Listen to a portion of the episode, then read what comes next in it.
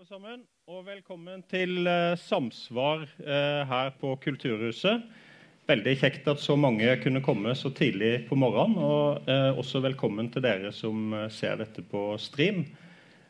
Temaet som vi skal snakke om i dag, det er jo et tema som ikke jeg er ekspert på. Jeg jobber som forskningssjef på NIBØ, by- og regionforskningsinstituttet. Men som allikevel appellerte til meg, så det var veldig lett å si ja. Jeg har selv hatt høner og kaniner og vaktle eh, hjemme i, en, eh, i rekkehuset sammen med naboene. Og vet at dette med å være i nærheten av eh, jorda og det som kommer ut av den, med pallekanter i, nabohagene, det er noe som skaper samhold, og som også gjør at barna forstår hvor maten kommer fra. Så det er veldig mange hyggelige ting med dette. Det er som et slags kinderegg. Man får mye. Men så er det også et ganske uh, dystert og ganske uh, alvorlig bakteppe for noe av disse temaene som vi skal ta opp her, som handler om vi kan gjøre Oslo selvforsynt. Og det handler om uh, tenker jeg, de store tinga som skjer i verden, som også berører dette spørsmålet. Og En av tingene som vi vet skjer, det er at vi har en ganske stor befolkningsvekst i hele verden. Og dette er et spørsmål som har opptatt demografer og samfunnsforskere i mange hundre år hvordan man skal klare å brødfø en voksende befolkning. I tillegg så vet vi jo at uh, vi har nylig hatt en pandemi som gjorde at veldig mye av den transporten som foregikk uh, i verden, ble redusert. Og vi har, står jo også overfor en stor klimaendring som vi må prøve å, uh, om ikke reversere, så i hvert fall bremse så godt vi kan. Og da eh, berører jo det også disse tinga som handler om å produsere lokalt og eh, forbruke lokalt. Men hvordan skal vi få det til? Eh, I tillegg så vet vi jo også at akkurat nå så foregår det en eh, krig i Ukraina. Eh, Russland invaderte Ukraina i februar. Og Ukraina er et av verdens eh, viktigste eller største korneksportører. Eh, og viktig for eh, ikke bare sin egen befolkning, men også befolkningen i store deler av Afrika. Så dette berører mer enn det som skjer innenfor eh, Ring 2 og Ring 3 i Oslo. Men jeg tenker at samtidig så, så får vi fram noen av disse tinga med denne diskusjonen vi skal ha i dag, om hva vi kan bidra med, vi som bor i byen, men også hva myndighetene kan bidra med til å for å tilrettelegge for et matsystem som er mer bærekraftig. Så med det så vil jeg ønske Einar eh, Bråten eh, opp. Han leder en arbeidspakke i et stort EU-prosjekt eh, som handler om nettopp dette. Så eh, vær så god, Einar. Du har eh, nå 15 minutter til å presentere et stort og interessant prosjekt. Ja, tusen takk, Kristian. Velkommen. God morgen, alle sammen. Eh, det er jo artig å formidle litt, og ikke bare sitte, og, sitte i laboratoriet. Selv om det er laboratorium, dette her, da. Eh, jeg skal da snakke om hvordan vi kan gjøre Oslo mer selvforsynt ut fra et Fusili-perspektiv. Og Fusili, eh, i tillegg til at det da er en veldig kjent pastarett, iallfall Italia kjent, så er det da initialene til uh, dette prosjektet her, altså 'Fostering the Urban Food System Transformation through Innovative Labs Implementation'. Og her er det da uh, trykk på 'Food System Transformation'. Det er altså et økologisk uh, systemperspektiv som ligger til grunn. at vi da uh, får alle ledd i kan vi si, matkjeden fra jord til bord. From farm to fork, som de kaller det i EU. Uh, de må trekke i samme retning. De som jobber med matproduksjon, altså på tilbudssida, og de som jobber med forbruk, konsumsjon, altså etterspørselssida, må komme sammen å jobbe ganske koordinert sammen for å få til systemendring. Verken mer eller mindre er da eh, formålet her. Um, det er da tolv byer i uh, dette EU-prosjektet. Og det er da fra Skal vi se Det var feil. Castello Branco i vest, i Kharkiv øst, som vi jo da hører mye om i de daglige krigsnyheter. Fra Aten i sør til Tamper i nord. Så har vi da Oslo. Eh, dette er jo da ganske store byer. Og det er jo konsumsjonen som er viktigst. Matforbruket som er egentlig det viktigste her når vi snakker om denne sammenhengen. Men eh, det er også etter hvert eh, overraskende mye eh, matproduksjon i disse byene. Og, eh, ta et eksempel da, med Roma. Der, det er da Europas eh, største landbruksby. Så eh, mesteparten av, eh, av, arealet til Roma er jordbruksareal. Det var kanskje ikke så mange som visste. Eh, og det vi ser i disse byene, det er det en sosial bevegelse, vil jeg kalle det. Altså en initiativer nedenifra som ikke er blitt så veldig mye offentlig politikk og byråkratisert, men som drives i det små, som vi kan kalle de sosiale fingres bevegelse. Som igjen henger sammen med slow food movement, folk som ønsker endre dietten, mer vegetarianer og mindre kjøtt osv. Dette er da krefter som drar dette her i, i denne mer grønne retningen nedenifra så kan vi si at uh, Fusili er et prosjekt som er initiert ovenfra fra EU-kommisjonen, som prøver å komme denne grasrotbevegelsen i møte. I Oslo er, da, er, det da Oslo kommune som er hovedpartner. Eh, Line Tveiten, som er prosjektleder. Så har vi også med oss statsforvalteren i Oslo og Viken. De jobber en del med landbruk. Og Ellen Marie Forsberg der, som skulle ha vært på møtet nå, men som måtte dessverre melde forfall. Eh, og så er da vi på Oslo OsloMet. Og vi driver da mer med kunnskapssida, kunnskapsfellesskapet, både i Oslo, men også på tvers av disse byene. Mens Oslo kommune har da ganske mye eh, ansvar for det som skjer eh, lokalt. Så den store sammenhengen her det er jo da at EU eh, e har noe de kaller for European Green Deal. Og del av det er Farm to Fork-strategien. Uh, og Horizon er da forsknings- og innovasjonsprogrammet til EU. Så der har de da et program som heter Food 2030. Uh, og da har de satt opp en del målsettinger for, som vi skal nå innen 2030. Og det er da satt i gang veldig mange prosjekter. Så Fusili er bare ett av mange i serie som på en måte kompletterer hverandre. Eh, jeg vil kanskje bare nevne da, Kristian nevnte i innledningen, altså Dette med klima er jo en viktig premiss for hele denne satsingen Food 2030. Eh, jeg var på møte som Cicero hadde for noen uker siden om eh, hvordan fremme klimavennlig matproduksjon.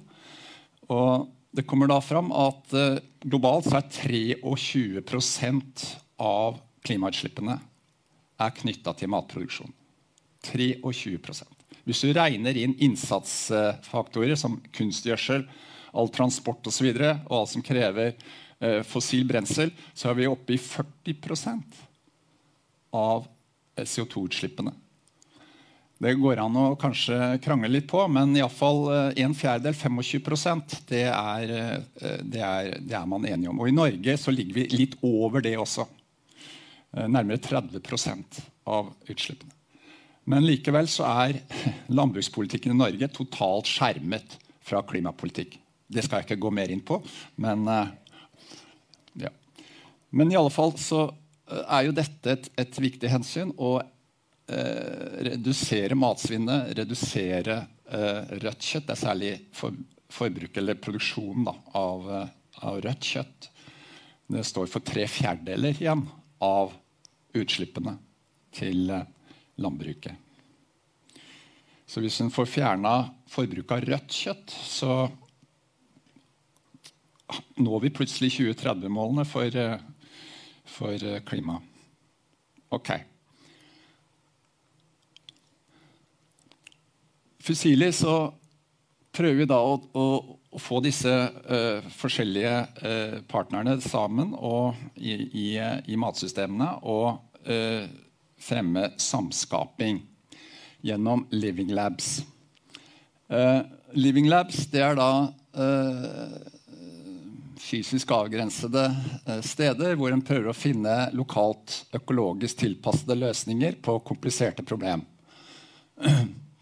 Og det gjør en da gjennom samarbeid på tvers, eh, samskaping, eksperimentering, og at en da eh, gjør dette i folks hverdagsmiljø, altså real life environment.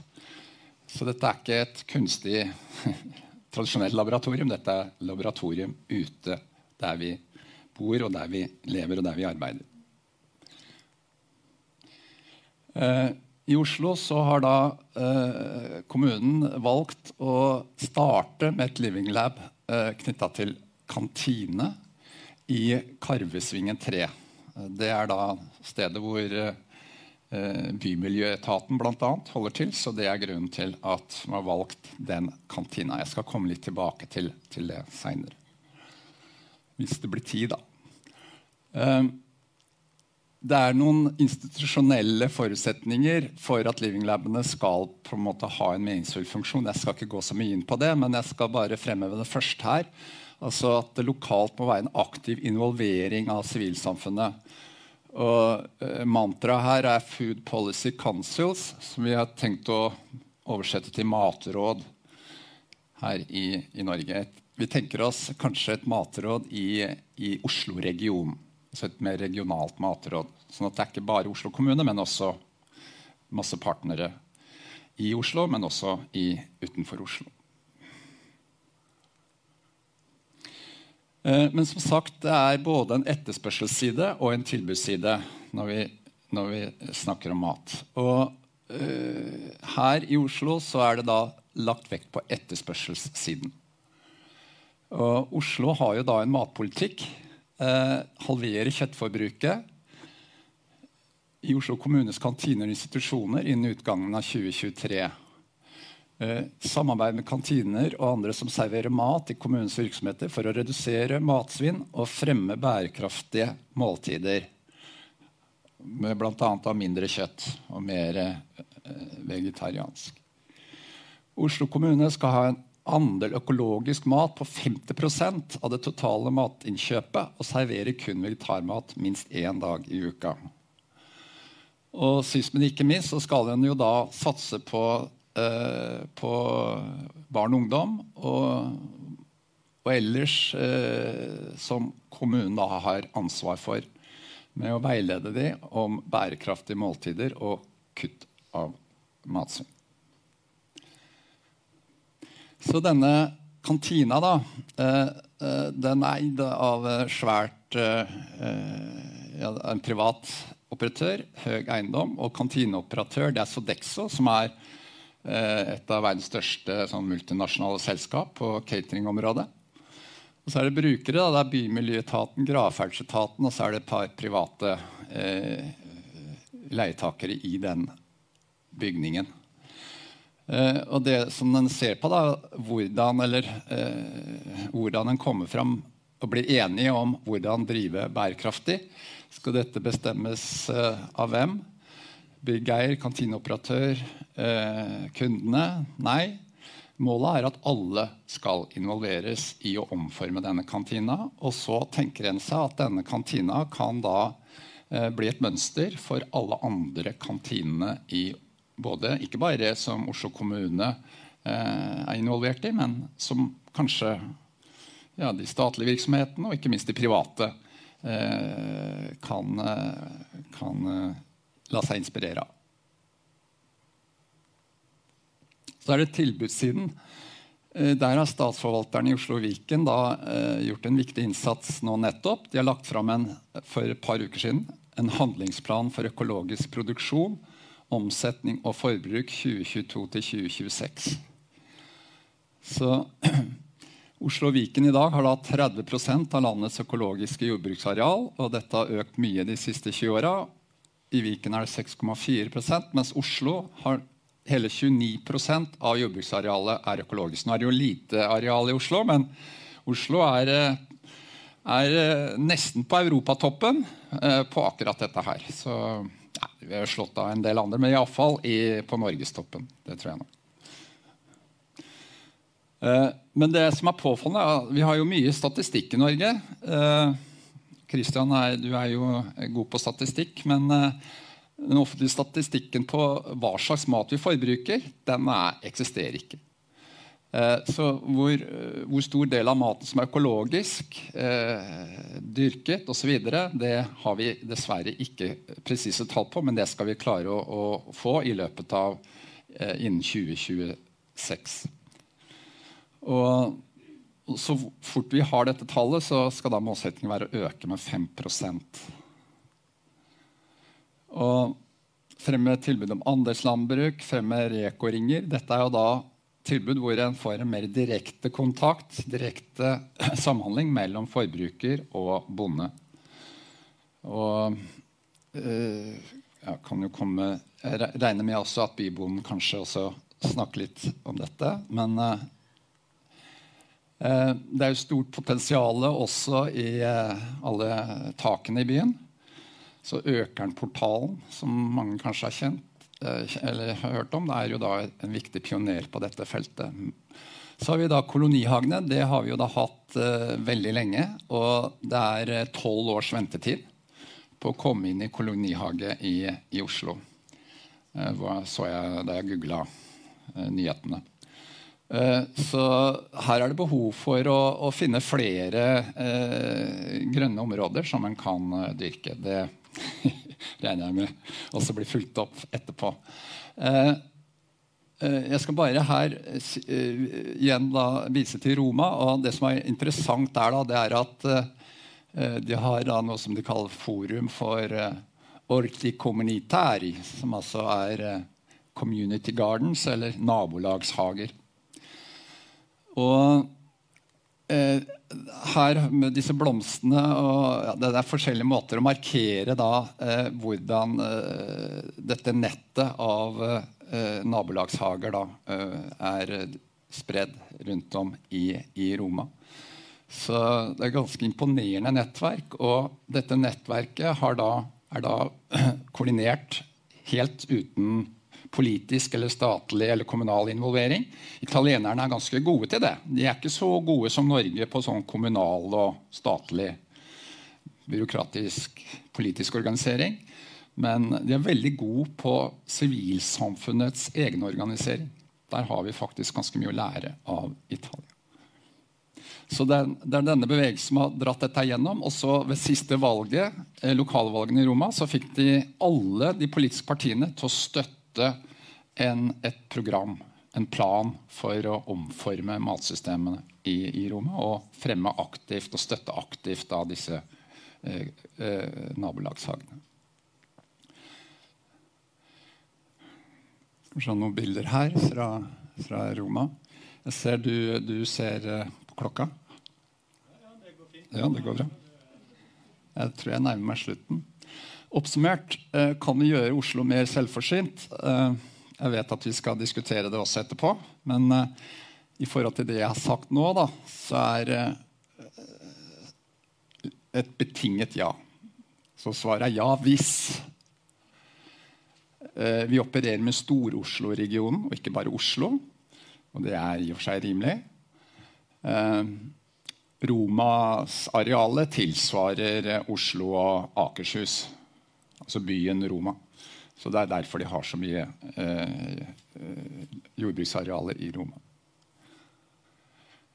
Eh, vi må klare å omstille til økt etterspørsel av økologisk og plantebasert mat. Vi klarer ikke å bli selvforsynt hvis vi opprettholder det kjøttforbruket, og særlig forbruket av eh, rødt kjøtt, som vi har i Oslo i dag.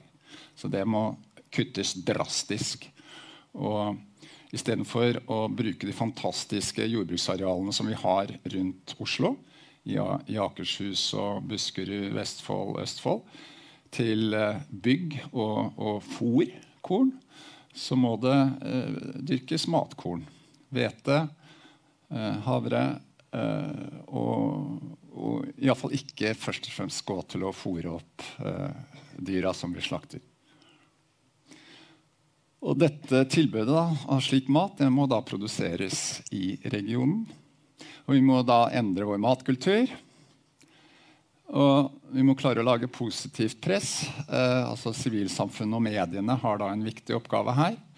Og f.eks. at uh, å gi ildsjelene i, i, i, disse tiltakene eh, litt, uh, litt, oppmerksomhet og, og, og handlings, handlingsrom. Og så Sist, men ikke minst må vi klare å fremme det vi kaller effektivt omstillingssamarbeid mellom alle nødvendige parter.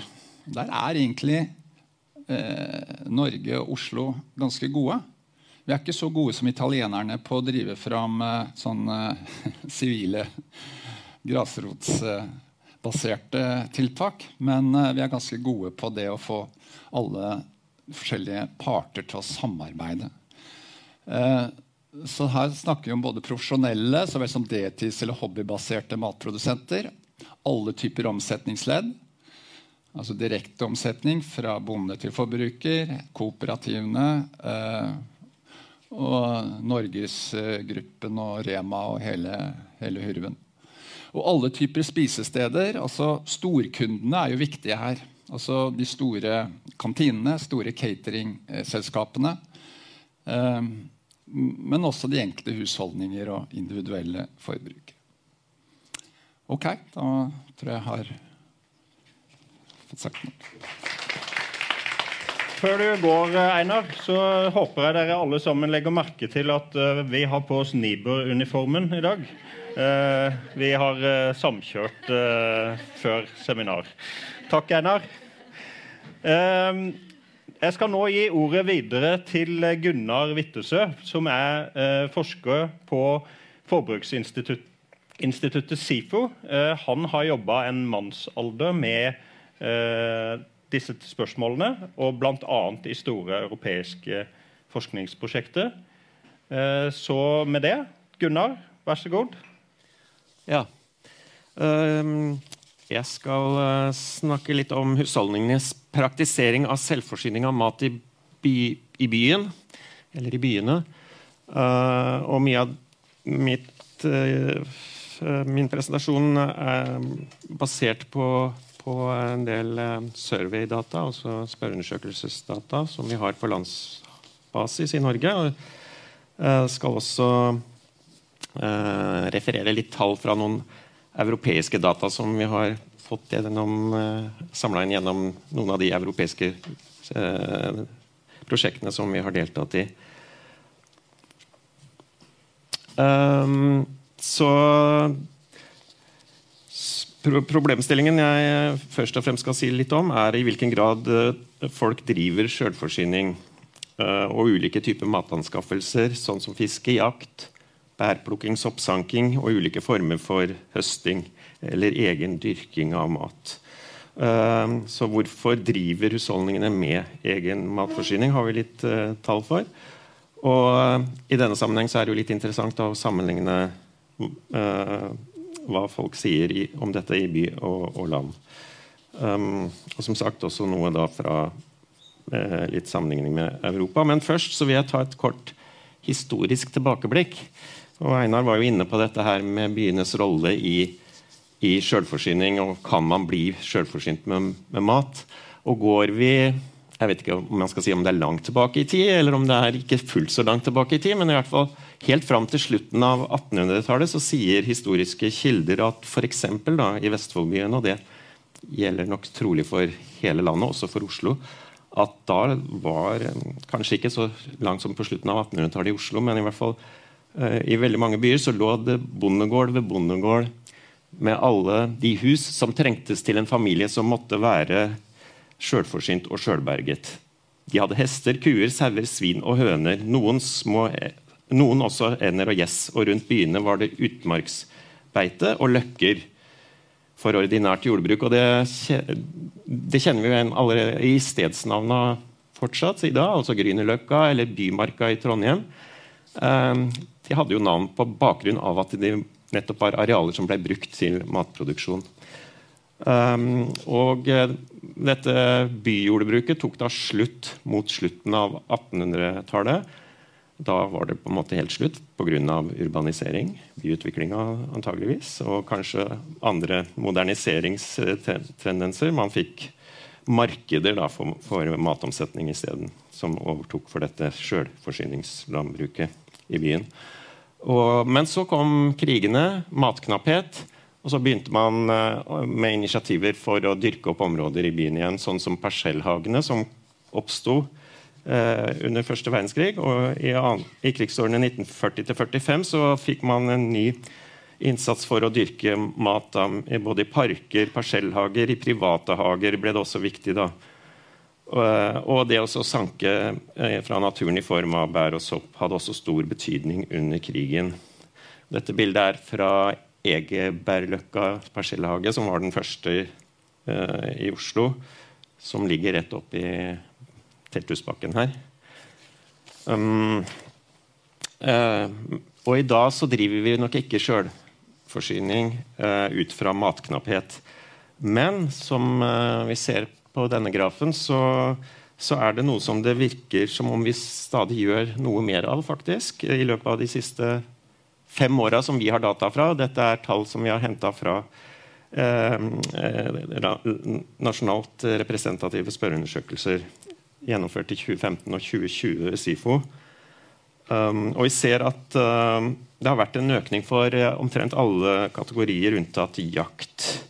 Og de kategoriene som øker mest, er de som har å gjøre med, med dyrking og høsting av grønnsaker, urter, bær og lignende. Så størst økning ser vi at det var i det med selvplukk på gården, som økte fra 20 til 28% og egen dyrking fra eh, 45 til 52% som i dag 2020 oppgir at de en, dyrker selv. og da er det er veldig utvidet dyrkingsbegrep. Det kan være at du har uh, urter i vinduskarmen eller på balkongen. Um, eller at du har en kjøkkenhage, f.eks. Uh, skal vi se uh, Ja. Uh, så er spørsmålet da om det er noen forskjell på by og land i, i, i hensyn til disse aktivitetene. Og vi ser at folk bosatt på bygda er de som i størst grad driver noen former for selvforsyning. Og det er jo ikke i seg selv overraskende. Men vi ser også at i de indre delene av storbyene så finner vi også mange som driver med en eller annen form for selvforsyning. Det gjelder f.eks. Eh, bærplukking. Um, jeg vet ikke om jeg får noe lys på det der. Ja,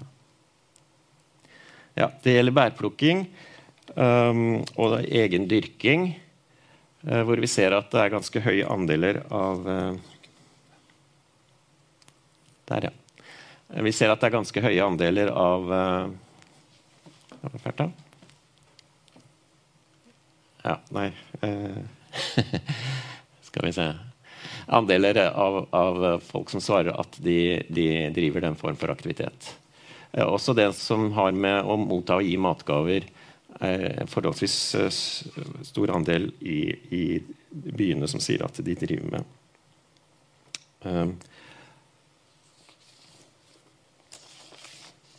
Eh, skal vi se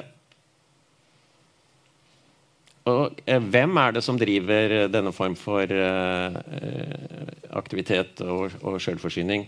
Eh, utdanningsnivå kan være en type indikator på hvem dette dreier seg om. Og vi ser at eh, dette øker med, med, økende utdanning. Med noen få unntak, og det gjelder f.eks. det med jakt. Og det med, med, med sjølplukk også uh, følger ikke det samme mønsteret, men ellers så ser vi at for de aller fleste av disse aktivitetene så øker, øker uh, aktiviteten med utdanningsnivået. Um, og så har vi spurt om hva det er som motiverer dem til å drive med, med disse aktivitetene. Uh, og da ser vi at alle aktivitetene uh, samla sett, da, her har vi tatt en gjennomsnitt av alle aktivitetene, så, så, er det dette med at det er en fin fritidsaktivitet, og at det er noe hyggelig man kan gjøre sammen, som, som scorer høyest. Så dette er de viktigste grunnene til å drive med dette for folk flest. Men faktisk det med, med at det er en form for matauke, har også en stor, stor betydning. Og det er um, spesielt når det gjelder det med å høste fra egen eller andres hage, eller det å gå på jakt, og sanking og bærplukking, da er det en form for mat, opplever folk at det er en form for matauke. Um, mer enn én av tre som driver høsting fra egen hage eller sjølplukk eller dyrker, oppgir også at det å spare matutgifter er um, en viktig grunn. Mens beredskap i liten grad ble oppgitt som en av begrunnelsene. Vi skal huske på at den, den undersøkelsen ble altså gjennomført i 2020, så det er altså midt under koronaen. Så uh, vi tror jo også at uh, noe av dataene er farga av det. At uh, da at kanskje det med å, å drive egen, egenaktiviteter, eller disse aktivitetene, eh, kanskje hadde også noe med, med, koronaen å gjøre. At det var eh, altså, en, ja, man, man, oppsøkte jo i mindre grad eh, markeder og steder hvor det var Og noen markeder var også nedstengt under koronaen. Eh, så eh, vi er jo interessert i kanskje å gjøre eh, en tilsvarende undersøkelse nå, se om ting har endra seg siden 2020. Jakt skiller seg noe ut ved at 14% av respondentene som drev jakt, eh, sier at beredskap var et viktig hensyn. Én av tre respondenter begrunner aktivitetene med at de er helsebringende, og da spesielt bærplukking og jakt, mens bare eh, gjennomsnitt én av fem gjør det av miljøhensyn. Uh, noen flere markerte miljøhensyn som en riktig aktivitet når det gjelder uh, det å dyrke selv eller gå på selvplukk og høste fra egen hage. Um, men hva, hvilken betydning har det som en del av den totale matforsyningen i husholdningene? Så for ca. én av fire da, så, så, så, sier de at de, de, benytter seg av mat, uh, eller spiser mat som de selv har, har skaffet, én gang i uka eller oftere. Og Det samme tallet gjelder Eh, like mange sier at det, de gjør det da, eller spiser dette her én til tre ganger i måneden. Mens 17% svarer at de aldri spiser egenskaffet mat. Og så går vi over til disse europeiske dataene som vi har. Eh, da har vi spurt Eh, på en litt annen måte enn vi gjorde i den nasjonale undersøkelsen. Men de har da fått spørsmål i hvilken grad de, de, de dyrker mat eh, eller holder husdyr til eget forbruk. Og vi ser at Sammenligna med andre land så ser vi at det er Polen og Frankrike som, hvor flest svarer at de driver denne form for aktivitet. I Norge eh, noe eh, mindre. Eh, vi spurte også om eh, det med å høste fra naturen. Og skal vi se Nei, der, gikk jeg litt langt. Og uh, her skiller Norge seg ut. Altså, vi er helt på topp når det gjelder det å, å, å høste eh, fra naturen i form av sanking, fiske eller gå på jakt. Og kanskje ikke så overraskende ut fra at vi kjenner til vår eh, fritids, fritidskultur og det å, å, være ute i naturen som, en sånn, ja, som noe vi verdsetter spesielt høyt i Norge. Men vi ser også at, typisk at det er Polen og Frankrike og Italia som Einar var inne på i sted, som også scorer relativt høyt på dette. Uh, og så kanskje mer over til det Einar snakka om, det der med å, å være med i mer sånne kollektive ordninger for uh, matforsyning lokalt. Sånn som andelslandbruk, som Einar var inne på, eller eh, andre om, type omsetningsformer hvor forbrukere og produsenter går sammen om, om matforsyninga. Og disse eh, ordningene ser ut til å være mye mer utbredt f.eks. i Frankrike, noe mer også i Italia. Eh, og Norge ligger nederst på denne, denne skalaen her. Um, og Når vi da sammenligner Europa når det gjelder by og land, så ser vi samme tendensen som i de nasjonale dataene. At det, at det er på en måte de som bor på landet, som har størst tilgang til og mulighet for en type egen matforsyning, som å høste fra naturen eller dyrke til eget forbruk. Um, Så for å summere opp så er dette med selvforsyning i første rekke en, en, aktivitet som er hyggelig å gjøre, en fritidsaktivitet for mange. Men det har en relativt stor betydning også som, del, som matauke og det å spare matutgifter i husholdningen. Um, eh, det ser ut som dette her er en, en, en øker del men i hvilken grad det er en del av en sånn langsiktig trend, eller om det var en følge av, av koronaen, eh, det, det, vet vi ikke riktig. Men det ser ut som dette er noe som øker over tid. Og som sagt så er det de på, på landet som nok har den beste tilgangen til å drive den type matforsyning. Men også folk i, som bor i de indre delene av de store byene, scorer høyt på, på mange av disse aktivitetene. Så hvis dere vil dykke mer ned i resultater eller data fra de, disse undersøkelsene, så har vi en del publiseringer, publikasjoner som, som, eh, hvor disse dataene er eh, presentert og diskutert.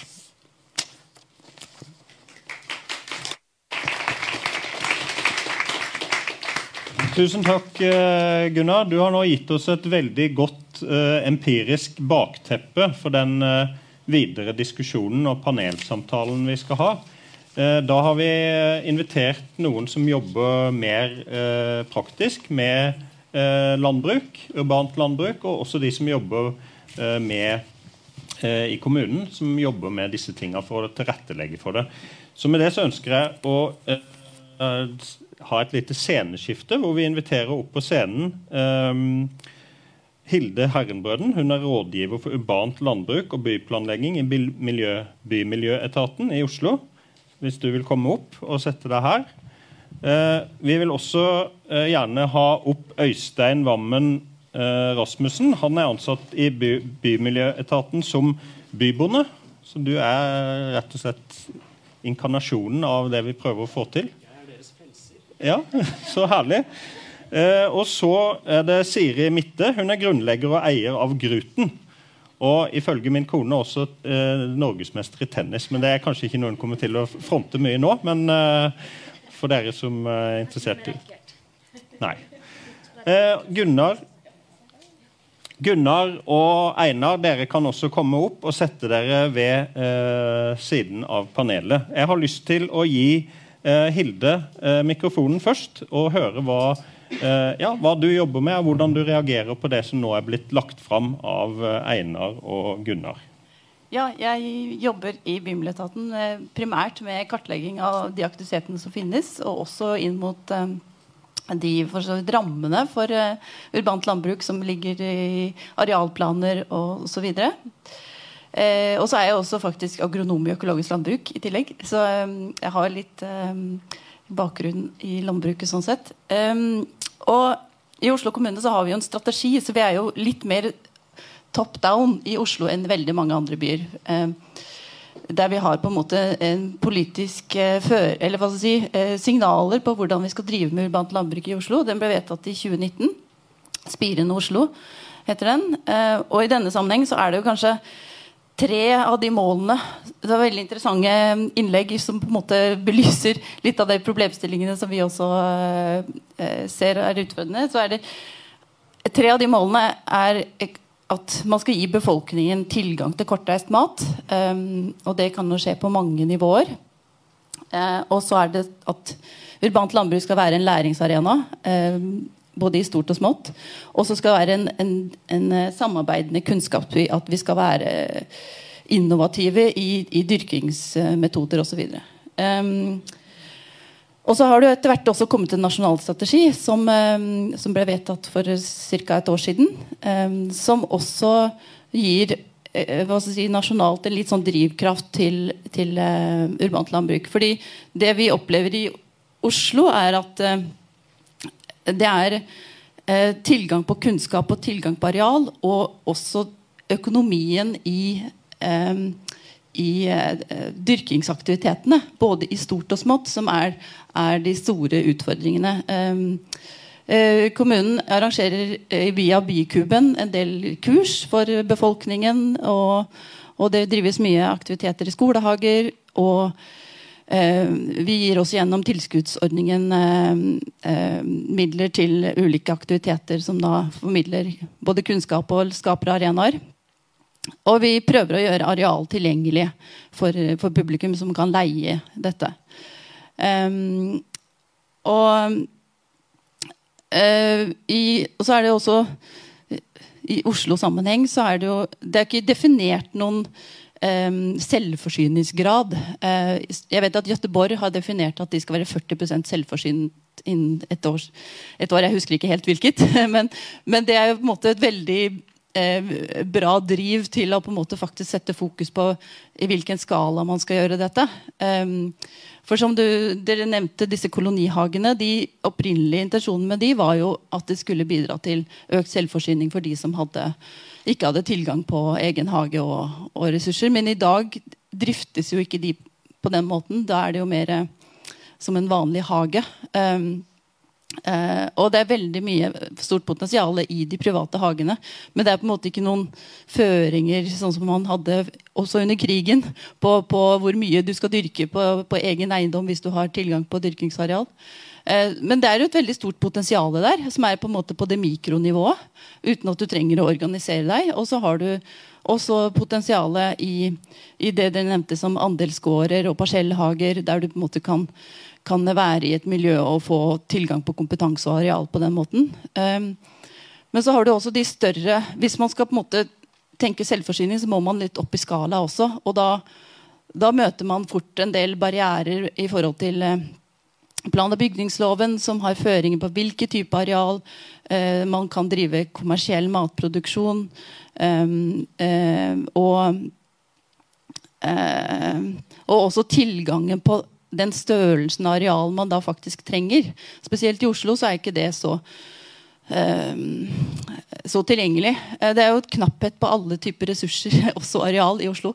Eh, det er til, um, til byutvikling, det er til uh, fritidsaktiviteter, det er til annen type rekreasjonsarbeid. Naturen skal ha en god del plass. Så det um, det, I kommuneplanens eh, den er til revidering nå. I planprogrammet så står det at man skal styrke jordvernet og ta vare på det som er, er dyrkbart areal. og Det er veldig bra at uh, vi liksom får satt fokus på hva som faktisk er de restene av dyrka mark i Oslo, slik at man tar vare på de på en eller annen måte. Så det er en ressurs.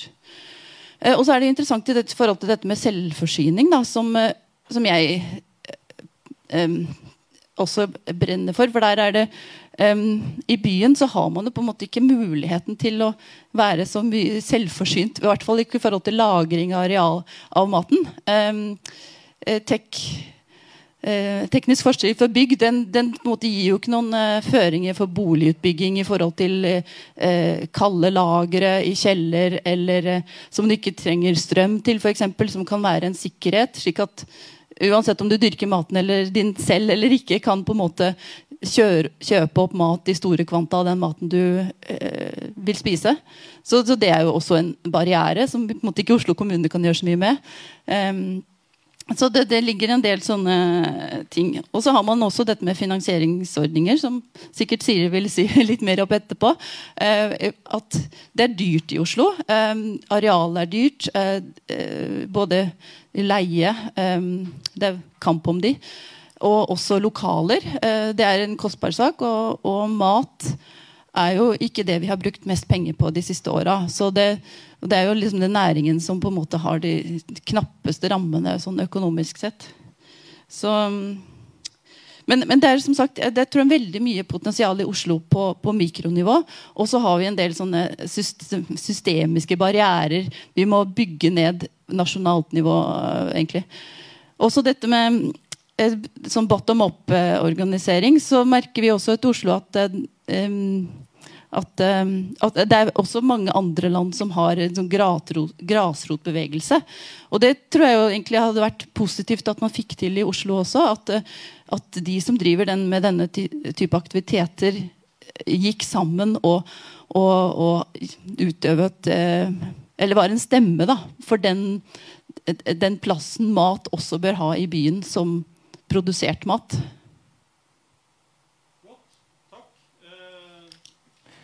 alt var mye bedre under krigen, sa Ole Paus. Eh, det er vel ikke det eneste vi skal ta med oss, men på akkurat dette området så var det vel kanskje noen ting som var bedre i forhold til å dyrke og eh, konservere mat.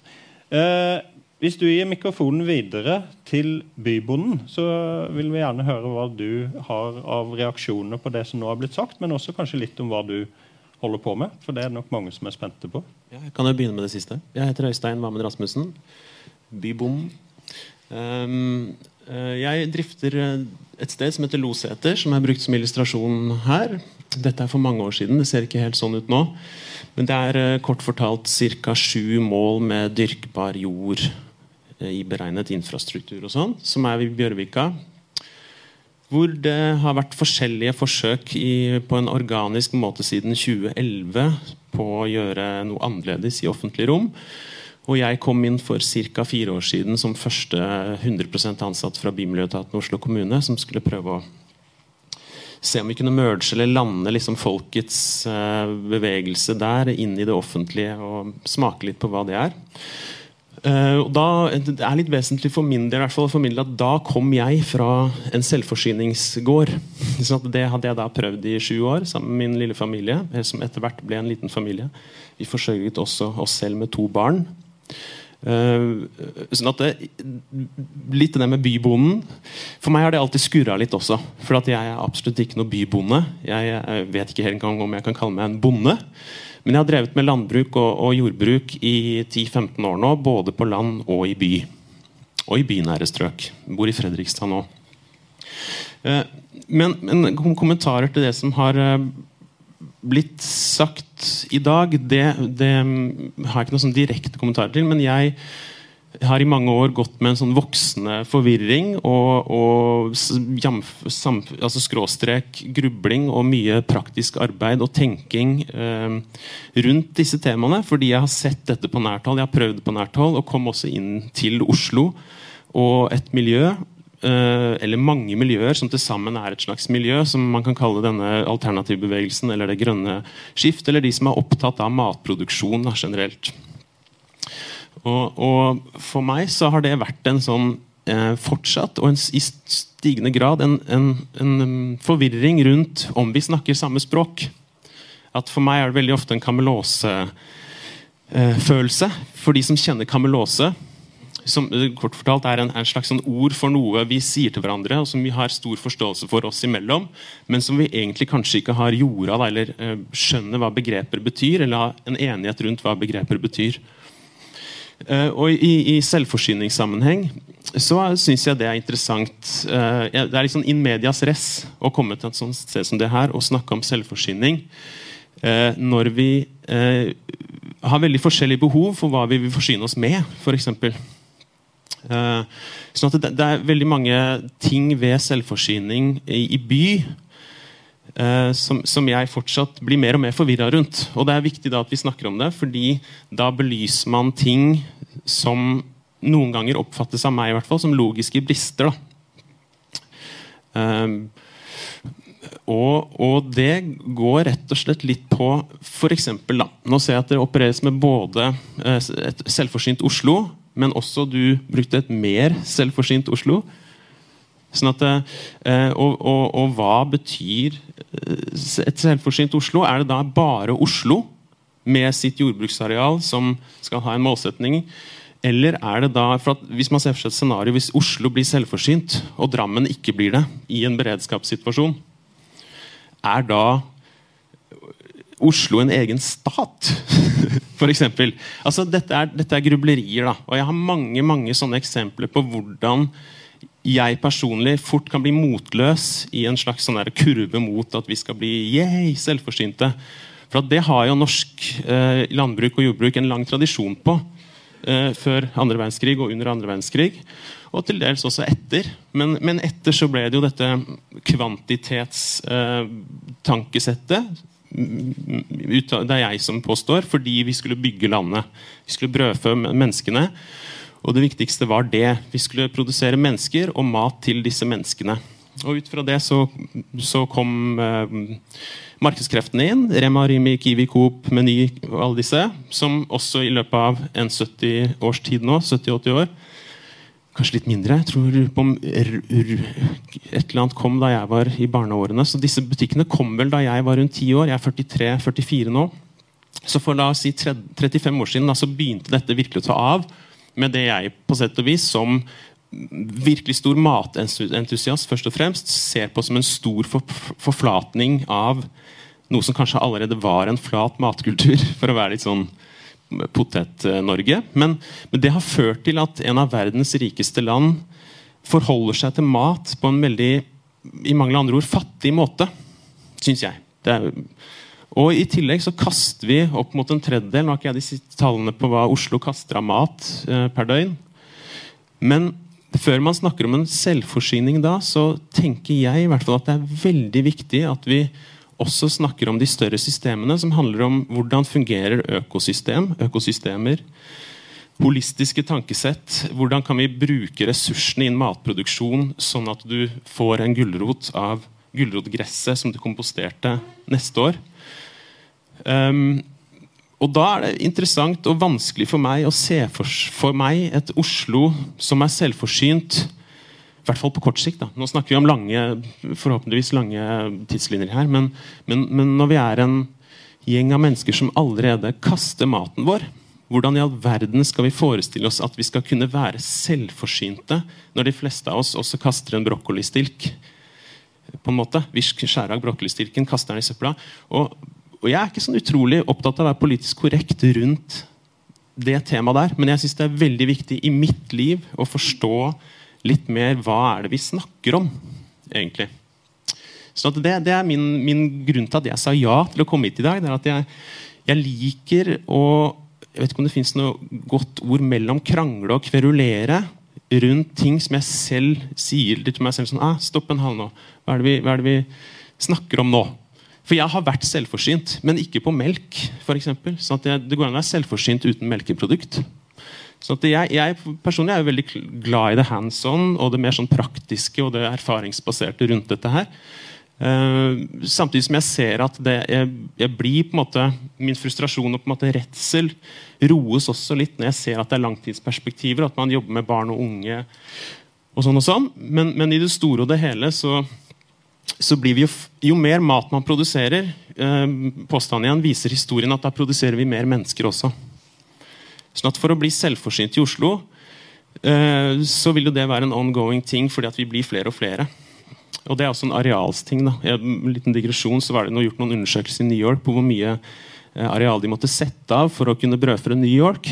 Og Da så man først på tak og grøntarealer og, og offentlige rom. Og sånn, og da var det fryktelig dårlig lesning. da. Det var ikke sjans i havet. Men så var det noen som snudde på det og så på skyskrapere. Hvordan man kan se på areal i innendørs, da, i hus. Og da var uh, tingen en helt annen. Men da kommer det jo inn på hva skal vi fylle husene våre med i en by. Og hva er egentlig by? Etter hvert som konseptene med, med en slags sånn fornøyelsespark-tankesett som misforstå meg rett, som, jeg, som byen på sett og vis er. Vi skal fornøyes, vi skal konsumere, vi skal bruke ting. Men, og da er disse plassene i en by fryktelig mye mer verdt enn de grønnsakene eller, eller soppen eller, eller microgreensa som vi dyrker der. Sånn at For meg, før jeg gir mikrofonen videre, så er det Jeg sitter her fordi jeg er dypt forvirret selv, men med en sånn stor glød. og Ildsjel er jeg en slags, selv om jeg syns det ordet er litt rart. Jeg, jeg, jeg, står opp om morgenen og ser lyst på hver eneste dag, selv om jeg har et sånt enormt mørke hengende over meg da, og oss. på en eller annen måte, sånn at jeg gleder meg. Håper det blir en samtale. og jeg håper ikke jeg har brukt for lang tid. Veldig, veldig bra oppspill, Øystein. Dette var helt strålende, med, både med kamelose og med forvirring. Jeg tenker at Det er noe av grunnen til at flere er her. At de ønsker å bli eh, opplyst. Og kanskje vi kan løse opp i den forvirringa eh, etter hvert i diskusjonen. Som dere kanskje hører på min dialekt, så kommer jeg fra en del av landet hvor, eh, hvor vi gjerne satt som fiskeren Markus i Gabriel Scotts roman og kikka utover sjøen og var veldig fornøyd med Guds skaperverk. Vi klarte ikke å gjøre så mye økonomi ut av det.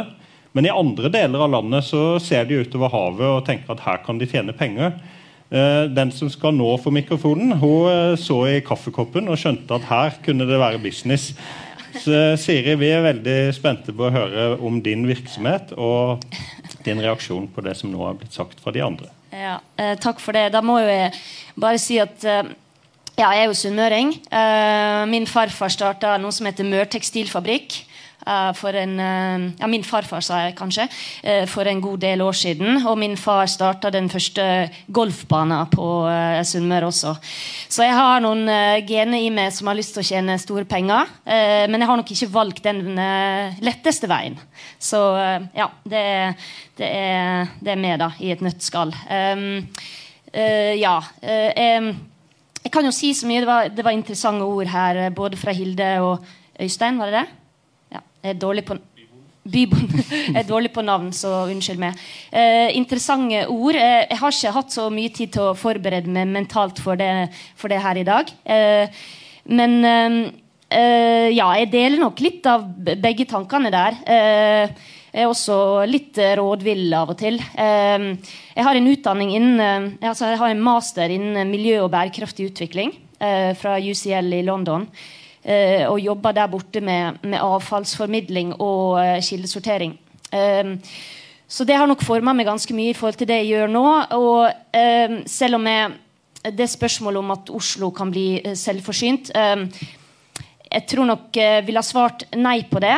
og kanskje også sagt at det er kanskje ikke målet. 100% selvforsynt. Uh, men jeg brenner veldig for at byene våre må være et um, fyrtårn i forhold til uh, framtid, framtidens utvikling. Fordi uh, ja, den utviklinga som vi har nå, med at flere og flere bor i byene, og byene er ja, på en måte der allerede, så må, vi, um, så må vi gjøre det. Og da er det å um, skape klimavennlige og miljøvennlige byer veldig viktig. og så ja, eh, litt om det jeg driver med. Var det det du vil ha? Ja, det vil vi veldig ja. gjerne ha. Um, altså, jeg driver da en uh, liten bedrift. Uh, to fulltidsansatte uh, som heter Gruten. Vi dyrker da Østershop på Kaffegrut her i Oslo. Vi har en containerfarm oppe på Vollebekk, Vollebekk fabrikker, som, eh, som, noen av dere kanskje kjenner til. Um, som var egentlig veldig viktig for at jeg greide å stable på beina en, eh, en liten produksjonsenhet midt i storbyen. Um, uh, ja, Der dyrker vi da Østersopp, som kanskje noen av dere kjenner til. En matsopp som er både sunn og god. Um, og i den jobben så bruker vi da et avfallsprodukt, eh, kaffegrut, eh, som mat for soppen. På den måten så er vi jo med å produsere mat, men vi er også med å eh, på en måte ja, om ikke løse en utfordring, men vi er i hvert fall med å bidra til å eh, bruke disse ressursene som vi har rundt oss. Og, og, det er vel, vel, veldig opptatt av at vi på en måte ikke skal lage et nytt problem av det vi driver på med. da. Så vi prøver faktisk å ja, løse, no, eh, løse, et problem ved å, å, å, å drive produksjon. Um, uh, jeg beit meg merke i uh, Jeg syns den uh, presentasjonen fra Einar var veldig interessant. og han snakka jo litt om det her med Eh, det var kalt Food 2030. Eh, og der er jo en del målsetninger som omhandler både sirkularitet, eh, helse, klimabærekraft og innovasjon og communities. Uh, og det er jeg veldig opptatt av at vi må på en måte løse flere av de målsetningene for å, for å, nå et sted i forhold til miljøutfordringene vi har. Uh, og jeg vet ikke om det er noen her som vet hva vi har for sirkularitet i Norge hva sirkularitetsprosenten er i Norge. Men den er fryktelig lav.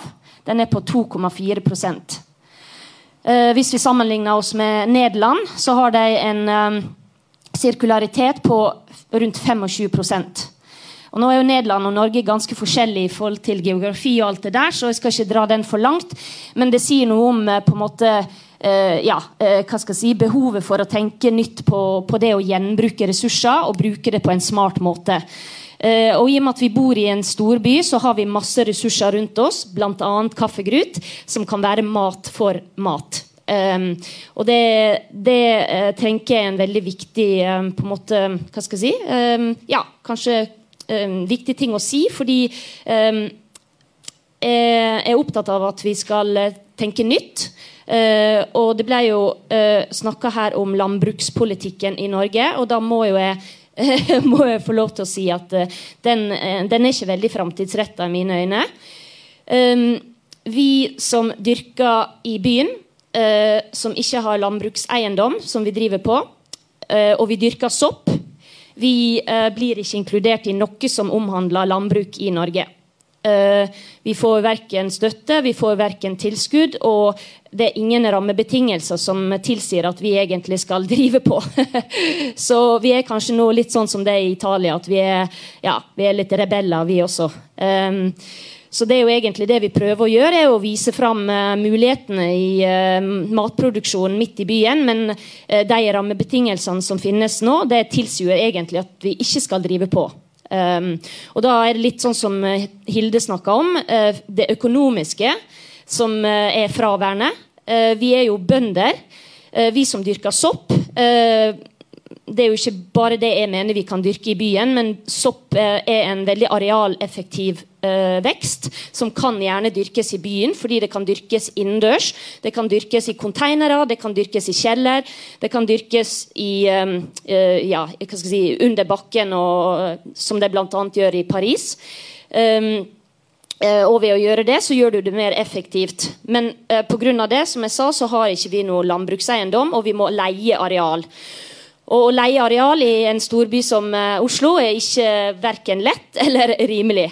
Uh, så da mener jeg at uh, både kommunene og nasjonalt Det ble trukket frem nasjonal strategi for urbant landbruk. Den kom ut februar i fjor. Eh, og der snakka man ganske fint om eh, næringsretta virksomhet eh, knytta til urban matproduksjon. Eh, og jeg har ikke hørt noe som har blitt gjort på akkurat det feltet nasjonalt. Eh, så det trengs veldig mye der. Arealmessig, selvfølgelig, å sette av areal for å drive matproduksjon. Og da også, som Hilde sa, at det er ikke eh, Jeg har parsell sjøl, jeg har parsell på Geitmyra, og jeg syns den biten av det å være selvforsynt er veldig givende, men det monner ikke i det store bildet. Um, så det er nødvendig. Og så er det det økonomiske med å faktisk drive matproduksjon, som er veldig arbeidskrevende, selv om det er, man kan gjøre det på en effektiv måte. Man kan ikke på en måte ha teknologiske løsninger for alt. Uh, ja, man må faktisk være der og høste soppen. og Man kan ofte ta, ikke ta fri på en søndag, fordi da, må, da skal hø, soppen høstes. Så det må legges til rette for at man faktisk kan drive på og bli lønna, uh, eller kan ta ut lønn for å drive med matproduksjon også i byen, ikke bare på, um, i distrikta. Um, ja, Uh, og så vil jeg helst Nå er jo det mest byfolk her, kanskje. Jeg uh, vet ikke. Kanskje det er noen folk ute fra distriktet her også som har kommet inn.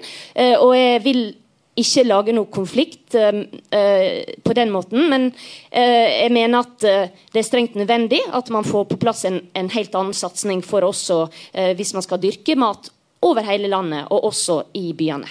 Ja. Flott. Takk. Da eh, skal vi eh, utfordre litt eh, tenkte først Einar, for du sa Einar at eh, i Roma der får de det til. Der er det mange som driver med uh, jordbruk innenfor bygrensene. Og vi hørte uh, også at Hilde snakka om at i Oslo har man et litt sånn top down-perspektiv, men man trenger å få et nedenifra og opp. altså Man trenger å engasjere folk nedenifra. Og hvordan kan man få til den oppskaleringa uh, som du ser i Fusili, som du ser i Roma? Hvordan tror du man kan få til det uh, i Oslo? Ja. For å få til den, den, sosiale bevegelsen som du etterlyser.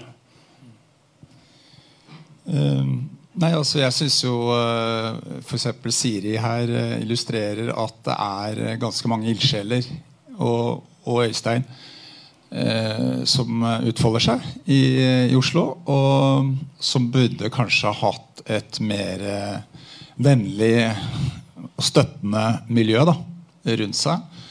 Eh, ikke bare kunder og brukere og matauk eller matinteresserte, men også selvfølgelig kommunen og, og staten. Så det, men folk må organisere seg for å bli hørt. Sånn er det i Norge. Og jeg tror vi har en relativt lydhør kommune. Men eh, jeg tror Hilde, du nevnte det, at den er ganske ovenfrastyrt. Oslo kommune. Altså Oslo kommune er ikke veldig veldig opptatt av å høre på grasrota i enhver sak. Det er et uh, svært uh, maskineri som skal gå rundt og være effektiv og økonomisk i produksjon av tjenester. Det er jo det viktigste. Så, så, men jeg tror det er iallfall på politisk nivå så er det, de er lydhøre hvis det kommer initiativer og som de merker er, eh, har ganske stor støtte. Så jeg tror det mangler vi i Oslo. Det er en, eh, en litt mer organisering. Så det som vi eh, da på tegnebrettet kaller for matråd, det er tenkt da å ikke være et der hvor de byråkratiske instansene kommer sammen, men altså det er ildsjeler, det er folk som eh, jobber forskjellige områder i, eh, i, samfunnet, i lokalsamfunnet. I ja, parsellhager, kolonihager. Eh, de som jobber med andelslandbruk, folk som jobber med alternativ matproduksjon, slik som eh, Siri gjør, eh, osv. Og i første omgang eh, organisere de, og så i neste omgang få en dialog mellom denne organiserte grasrota og myndighetene. Så en slags sånn tostegs eh, eh tostegsstrategi. Og, og nå skal vi, skal vi, utveksle erfaring med de andre byene da, på hvordan de gjør det. Eh, noen byer er i gang og har allerede sånne matråd. og Italia er da de som er, er fremst. Mens de fleste av de tolv byene har ennå ikke kommet i gang, i likhet med oss. Og, og ja, Gøteborg og Malmö, for å ta byer som er nærme oss, de er jo veldig langt framme her. Så er, vi trenger ikke dra veldig Vi trenger ikke dra til Ukraina for å si det sånn, eller til Italia for å få inspirasjoner. Også. Det, så, ja.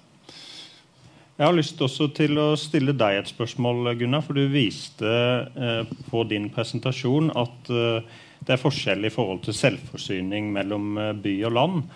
Eh, du viste også til at det var ganske store forskjeller i forhold til utdanningsnivå. Nå vil jeg tippe at De som er her i dag, er liksom over De fleste har ganske lang utdanning. Er det en fare for at dette med sånn urbant selvforsyning at det blir et sånt moderne hippiekollektiv med høyt utdanna middelklasse som er opptatt av dette, eller er det noe vi kan få med bredere lag av folket til å være opptatt av? Um, ja, nei um dataene tyder jo kanskje på det siste, eller det du sier, at, eh, at, det er eh, at det er en liten lagdeling i, i, i dette her, og engasjementet kanskje, og mulighetene, ikke minst, er større. Eh, nå brukte jeg bare utdanning som som én variabel eller én parameter på, på, å si noe om at det kanskje er noen forskjeller uh, her. Og by- og land-forskjellen. Uh, Uh, men det er klart da, altså, Det med, med, å ha tilgjengelighet til areal som er nødvendig for å kunne være sjølforsynt, med mindre du går ut i, i skauen og jakter eller fisker, har jo noe med ressurser å gjøre. Og kanskje ikke bare med utdanning, men kanskje også inntekt. Og at det er en forskjell i, i, i tilgangen på den måten. Um, så jeg tror kanskje at det har mer med hvilke ressurser du sitter på, enn en kanskje hvilken interesse eller engasjement du har. Uh, for uh, ja. Um, ja, jeg tenker for de tinga som vi viste f.eks. til de kolonihagene som hadde en veldig klar funksjon før. Og det er jo også blitt en, nå en diskusjon igjen om eh, kan vi virkelig ha kolonihager i Oslo eh, midt i, innafor Ring 3 og 2. Eh, som er, som Hilde sa, mer som hager kanskje enn som det de var tiltenkt. Uh, er disse kolonihagene for, uh, for folk flest, eller er de for en, en engere krets? det er jo et eksempel. Men bybonden Du snakka om kamelose og, og litt forvirring. Kan du oppklare noe om hva er det forvirringen består i? Hvis jeg kunne det, hadde jeg ikke vært forvirra, kanskje. Men jeg, jeg, jeg, kan gi det et forsøk. Um, nei, det er jo sånn, når, når, du gjør deg som menneske en erfaring over tid da, som blir ditt altså Det blir uh, din kunnskap som er erfaringsbasert ofte, men også selvfølgelig teoretisk. Så, så åpner man jo opp noe. Det er litt det samme som at Hvis du vet hva alle de norske tresortene heter, så leser du skogen på en helt annen måte enn det mennesker som ikke kan tresortenes navn. Du vil også skjønne en del. Hvis du kan tresortenes navn i en skog, så kan du også ofte symbioser. Tankesett, altså blandingsskog med bjørk og, og, gran og furu, så finner du kantarell osv. Um, og det er vel den forvirringen jeg opplever at jeg ofte også i Kamelose-sammenheng at jeg med, har snakket med fryktelig mange mennesker, interessante, spennende, kunnskapsrike mennesker i løpet av de fire årene jeg har uh, fått drifte Loseter. Og men, men, veldig ofte så opplever jeg at vi snakker om de samme tingene, men forskjellige, med forskjellige mm, bagasjer. Da. Og det er der opp, forvirringen oppstår. fordi at eh, selv om du, du, drar opp en gulrot i en pallekarm i byen og jubler, um, så hvis du ikke vet hvordan du lager frø av den gulroten, så burde strengt talt ikke du juble hvis man snakker om bærekraftighet, og det gjør vi jo i matsammenheng. Um, sånn at, sånn at eh, Nei, var det en slags forklaring? Altså ja. dette med at når du, når du, får en kunnskap, så åpner verden seg. Og i, i, min verden så har jeg tatt et ganske sånn brutalt valg fra, fra å bo på Grønland i Oslo. Um, jeg er utdanna musiker, så jeg har jobbet som musiker hele mitt liv også. Så jeg var frilansmusiker. Og, og tok da dette valget sammen med min kjæreste å selge leiligheten på Grønland og cashe inn det både lånet og kjøpte meg en gård rett over grensa i Sverige for de pengene og startet fra scratch da med dette. Og det har selvfølgelig ført til at jeg har hatt en enorm eh, læringskurve på fryktelig mange forskjellige ting. Um, sånn at, sånn at det, er, det, er, vel den forvirringen jeg snakker om. Og i en sånn politisk aktig sammenheng, som mat dessverre er, um, så, så, blir jo det veldig vanskelig å snakke Nei, for eksempel, Siri og jeg har jo sikkert veldig forskjellige tankesett når vi våkner opp om morgenen om hva det er vi driver med, og hvorfor vi driver med matproduksjon. Jeg skjønte jo at du tullet litt med det med at du gikk inn for store penger. og, der, men, men, det er alle variablene mellom det og ja, ja, det skjønte jeg. Men det er like fullt et godt eksempel på hvordan det grønne skiftet skal gjøres mulig. Og det sier jo de fleste, i hvert fall, at det, da må det bli økonomisk Eh, gjennomførbart. Du må tjene penger på det. Det må være profitable. Eh, og, og, og, fra den ytterkanten til min måte, ytterkant, hvor jeg har levd i skogen i sju år og virkelig prøvd å leve det livet, og gjorde det også. Jeg fikk det til, alt jeg ønsket. Drevet med sau, jakt, ved, vann, fiske, sanking av fôr, grønnsaker inn og ut av alt det der. Så, og det, det, er ganske to forskjellige verdener. Og for at de to verdenene skal forstå en slags sånn målsetning, hvis man kan snakke om en målsetning, i det hele tatt, så trengs det en hel del tid og, og, og, og på en måte samvær, samtaler, sånn som dette er. At man i hvert fall må kartlegge først forvirringen. Vi er alle veldig forvirret. Ok, Hvor kan vi begynne å nøste? Eh, og Siden vi snakker om matproduksjon, som utvilsomt er det absolutt viktigste for oss, og matsanking, da, ikke minst, Eh, det er viktigere enn mor. på en måte. Uten mat og drikke hadde ikke mor heller fantes. sånn at det er en, en, sånn type kontekst for meg da, at det, i mine fire år igjen på Loseter så har jeg hatt masse politikere inn, masse kommune- og fylkesdelegasjoner inn, masse barn og unge. Jeg har snakket med veldig mange mennesker, innvandrere, utvandrere, alt mulig rart. Og, og, ja, sånn at Det er rett og slett et sammensurium av at vi alle går rundt og har en veldig kort tilmålt livslengde i forhold til økosystemenes gang. da. Um, igjen tilbake til trærne. Hvis jeg driver med trær, så planter jeg ikke for meg selv, men for neste generasjoner. ikke sant? Sånn at det, For at vi skal kunne uh, komme oss dit hen at vi liksom skjønner hva som skal til i vårt liv, så, så, så er det en stor nok ting i seg selv, og så må du prøve å finne den connection med et annet menneske også. Og prøve å finne byråkratiske løsninger og EU-prosjekter og midler. Og. Sånn jeg insisterer på en måte, på en måte å være den erfarings hands on-personen, selv om jeg også selvfølgelig øh, følger med. Men det, er, men det, er, alle de gode intensjonene som ofte gjør meg eh, forvirret. Eh, rett Og slett. Og det er også en sånn ting jeg dessverre har med, at øh, veien til helvete er belagt med brostein av gode intensjoner.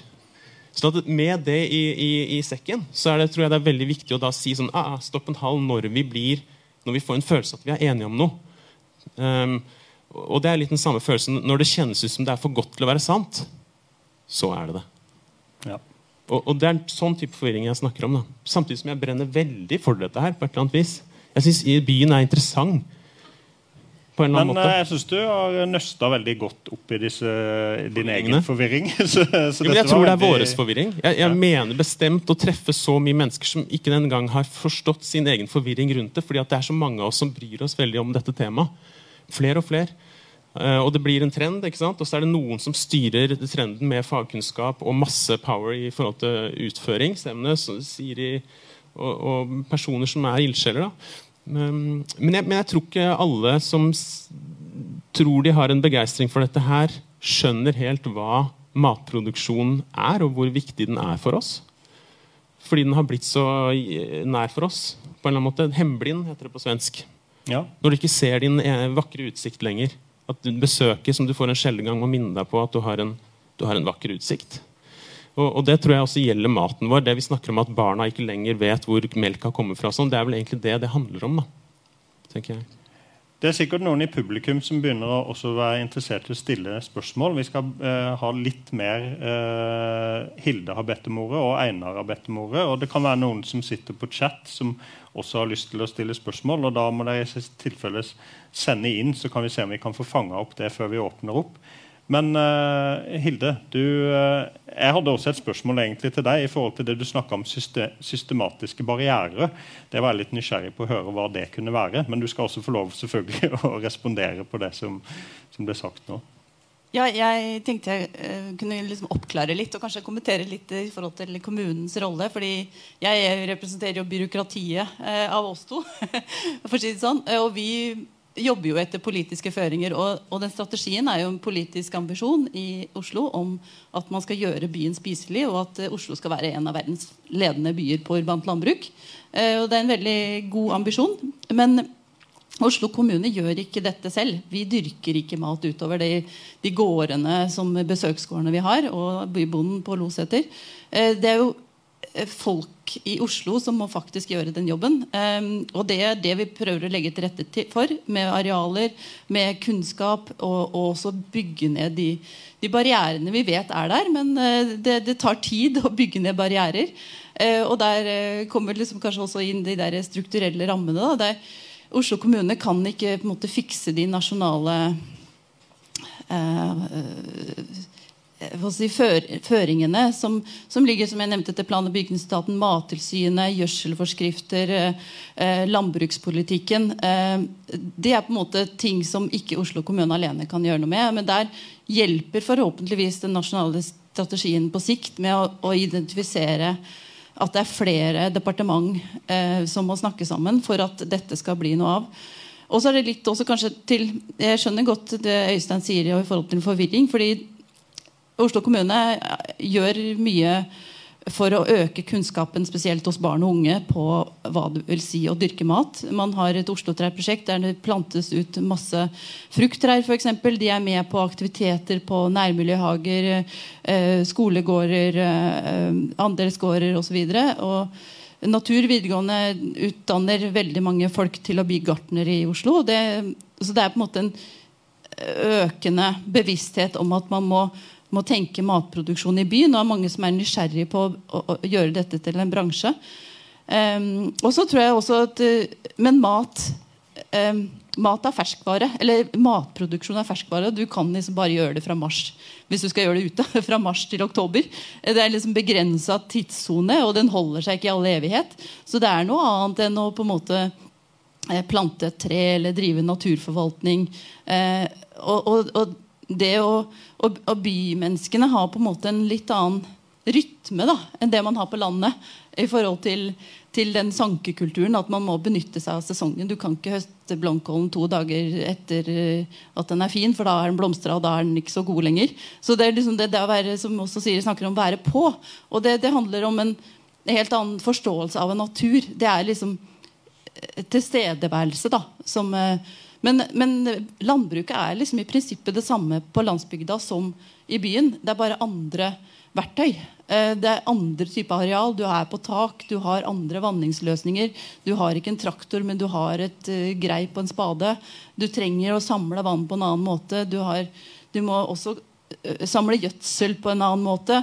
Hvis du skal drive økologisk, så kan du på en måte ikke kjøpe kunstgjødsel uh, eller, eller kraftfôr, for en saks skyld. Eh, du må på en måte tenke sirkulære systemer, og der har man også en del barrierer. Det er veldig mye bra forskning på det på Ås bl.a.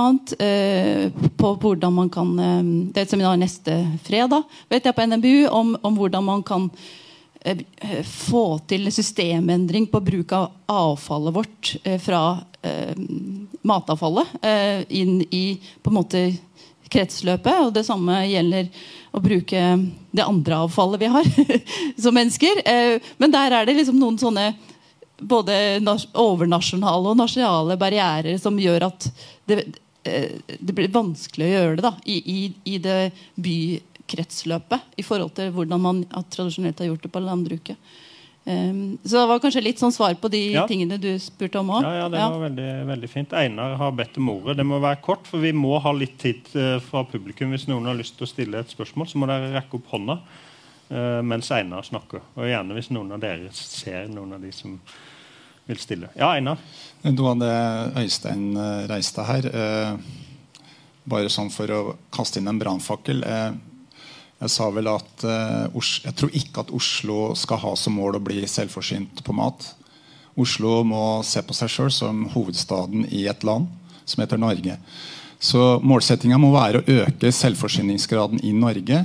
I dag er den på 40% og vi kan øke den til 60 eh, 65% innen 2030 hvis vi går kraftig ned i kjøttforbruk, særlig rødt kjøtt. Jeg, ble jeg fortalt av eksperter da, på dette Cicero-møtet for et par uker siden.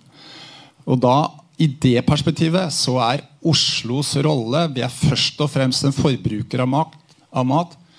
Oslo må bli en, en trendsetter på å endre kosthold, matvaner. Og Eh, bruke etterspørselsmakta og innkjøpsmakta, som eh, flere av, eh, av, aktørene i Oslo har, til å eh, også tvinge produsentene og i og for seg importørene også, men særlig matprodusentene i Norge til å tilpasse seg det. Der tror jeg vi har vår viktigste rolle. Men jeg tror at den endringen av livsstil, matvaner osv. blir sterkere i Oslo hvis folk i Oslo også er mer direkte involvert i matauke, sånn som Gunnar viste, er relativt lavt. Men jeg syns det var overraskende høyt, det, de tallene du, du, hadde. Og nå med økende matpriser og sånn, så kan det jo hende at uh, det økonomiske også kanskje driver flere folk inn i denne matauke-geskjeften. Men det har ikke noe å si. Det er jeg helt enig i. Det, det, det, det, er storskalaen som kan hjelpe oss i forhold til selvforsyning. Og da må vi tenke Oslo som en del av Norge, og i alle fall som en del av Østlandet å, øke selvforsyningen eller matproduksjonen. Vi har et spørsmål fra to spørsmål fra salen. Eh, gjerne litt korte og litt konkrete, eh, sånn at vi klarer å holde oss innenfor tidsrammen. Ja, eh, Hans Gafke, Norsk landbruksrådgivning. Eh, jeg jobber med småskala økologisk landbruksproduksjon, markedshagen. Eh, jeg tenker at eh, Oslo er kjemperik på ressurser. Det gjelder nemlig gjødselressurser. Det er kanskje Norges rikeste sted når det gjelder de. Så hvis vi tenker selvforsyning, så er det jo kanskje innspill til politikerne hvordan å resirkulere disse næringsstoffene. Få dem ut på en betthug måte uten at det blir mikroplast over en lav sko. Det er det første perspektivet. Det andre er at vi er i en endringstid. Eh, den SIFO-undersøkelsen den kom eh, før det som skjedde i Ukraina, og før energikrisen. Så nå kan vi kanskje se på matvaresikkerhet på en helt annen måte. Selvforsyning. Skal vi dyrke pynt, eller skal vi dyrke energi og protein? Uh, hvordan å bidra til at folk uh, tar i bruk de ressursene de sitter inne med. Altså, jeg jobber sånn helt konkret hvordan å, å, dyrke og hvilke vekster kan vi ta i bruk, og hva kan vi lagre uten at vi trenger et kjølerom. Så det er jo kjempestore muligheter til å, til å sette i gang med det. Og så må vi se på ressurseffektiviteten. Er det ressursmessig fornuftig å dyrke noe på taket hvis vi bruker tusenvis av eh, liter for å produsere de innsatsfaktorene som vi skal anvende for å dyrke en gulrot på taket? Så her må vi se helheten i det hele. Uh, ja, Det var egentlig mer innspill enn spørsmål. Ja, men Veldig bra innspill. Uh, også et spørsmål eller innspill her. Nei, ja. ja veldig kort. Uh, nå er det litt bedring når det gjelder skolehagesaken. Og det Du snakker om å, bybonden og kontakt med barn og unge. Og eh, der er det litt bedring nå, men i 1980-årene så ble hele skolehagedriften nesten radert ut. Den ble radert ut, faktisk. Eh, nå er det litt bedring. Men nok om det. Det er et stort kapittel for seg selv. Men det som er eh, bekymringsfullt, er jo selvfølgelig dette med beredskapslager. Altså, Dere snakker om å lagre matvarer som da naturlig nok produseres på høst- og sommerstid. Men, men når det gjelder dette med å ta vare på mat Det er flere som har nevnt det med muligheten for å oppbevare mat over lengre tid. Den er jo veldig begrenset, særlig i byområdene. da. Annerledes er det kanskje på en sted hvor du har en liten bondegård, men det er jo de færreste av oss som har. Og eh, når det gjelder da beredskapslagre, så har det vært nedprioritert og nedprioritert. Nå snakker man om man skal ha et lite lager hjemme i hver kjeller hvis det skulle bli en atombombe et eller annet sted. Eh, Jodtabletter og sånt, det er jo et kapittel for seg. Nå kan det. Men det siste jeg skal si, er det med, med ja, Oslofjorden. Nå har alle snakket om selvforsynt, men i forgifter Oslofjorden så fisker og alger og mulig næringsgrunnlag på den måten Alle kan ta på seg dykkerdrakt, det kan ikke gjøre å plukke alger. Det er ikke det jeg snakker om. Men altså, en forgiftet fjord hjelper jo ingen, og i hvert fall ikke noe fisk. Takk for det. Og så var det bak, eh, bak der også en kommentar eller Ja, spørsmål. jeg er eh, Lisbeth Natteland. Jeg er tredje generasjons eh, kolonist, havekoloni. Eh, Begge besteforeldrene mine på begge sider har hatt kolonihave. Og jeg har det, jeg er så heldig å ha det fortsatt. Det er 8000 på venteliste. Jeg synes Det er helt åpenbart at Oslos befolkning ønsker å dyrke egen mat og ønsker å leve litt tettere på naturen, selv om man har eh, marka rundt oss. Så oppfordringen til Oslo kommune er å også prøve å få flere arealer. Og, og nå skal man fornye kontrakten. Man har det for 25 år. Det er stadig vekk nye p- p- pålegg i forhold til AMS-målere, i forhold til eh, kloakk altså Det er veldig mye som på en måte pålegges, da, men at det legges til rette for at man kan dyrke mat i haven eh, selv. Og at det, gjort, det, det gjorde man i generasjoner før meg, og det gjør man fremover også. Og det er mye bærproduksjon. Det er mye humle, det er honning. Det er veldig mye som gjøres, og det har betyr mye for byens helse, rett og slett, at vi har kolonihavene. Så oppfordringen til Oslo kommune er virkelig å satse på kolonihavet fremover. Jeg ser at uh, tida vår begynner å renne ut. Uh, jeg har blitt bedt om å oppsummere, men før jeg gjør det, så skal vi ha et sist, en siste kommentar fra salen. Ja, hei. Um, jeg heter Anniken Jøssund. Jeg eh, kommer fra Økologisk Norge og jobber med skolehager der. Og syns dette arrangementet er kjempebra.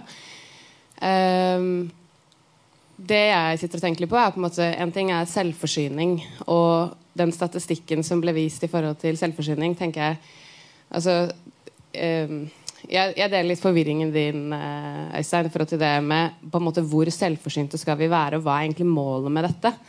Eh, fordi det å eh, det å på en måte plukke til noe tyttebær og ha det til søndagsmiddagen innimellom, er jo veldig viktig fordi det handler om en eller annen kontakt med naturen rundt. Og i byen så er det jo ikke så mye natur. Og eh, jeg tenker at en del av disse at det at det, denne fritidsaktiviteten, da, det rekreasjonelle, er veldig viktig. Og de trenger det å komme litt tilbake til naturen. Men eh, i det store bildet så tenker jeg at hvis vi for liksom, fem år siden, ti år siden hadde hatt denne samtalen, så hadde ikke på en måte beredskap og selvforsyning hatt det samme liksom, alvorlige rammen som det har i dag. Og at kanskje flere begynner å lure på det. Men hvordan skal egentlig jeg klare meg hvis plutselig strømmen går og det ikke fins noe mat? Eh, og, og man er på en måte ikke eh, prepper selv om man tenker på det. Eh, det er viktig. Og det jeg tenker i det store bildet her er på en måte sånn Hvordan kan egentlig Oslo med det urbane landbruket begynne å snakke med landbruket utenfor? Fordi det er der jeg tenker at det mangler noen linker der. Eh, fordi det er krevende å dyrke mat, som Øystein sier. Altså, eh, det tar masse tid. Og jeg selv prøver å være selvforsynt, men med en 100% jobb så er det kjempevanskelig å få tid til det.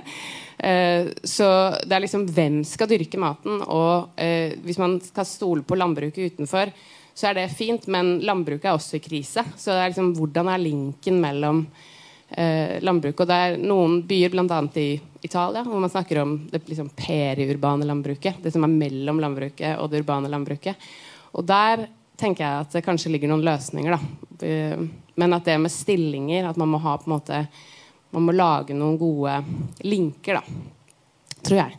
Så egentlig har jeg lyst til å stille spørsmål. Hvordan skal man gjøre det? Men det har vi kanskje ikke tid til å svare på. Nei, men Det var jo en veldig bra kommentar. Og, og uh, bybonden, han uh... Jeg har en liten kommentar til kommentar. Ja, R-kommentarer. Og det er, det, er, det er, mer sånn, Her er det ikke noe sånn tall, statistikk uh, i ryggen når jeg åpner kjeften igjen nå, men det er støtt og stadig saker om hvor blir det av sauene? Uh, geitene? Uh, hvorfor er fòrkorn definert som fòrkorn? Min, min, påstand er at vi er i mye mye større grad selvforsynt enn vi tror.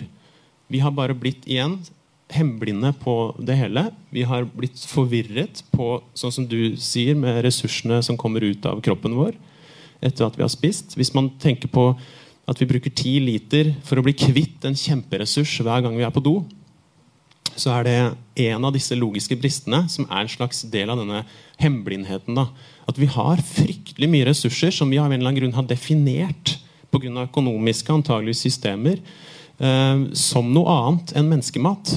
Og da har vi ikke begynt å snakke om de ville vekstene som er hele utgangspunktet for at det fins mennesker på denne delen av verden i det hele tatt.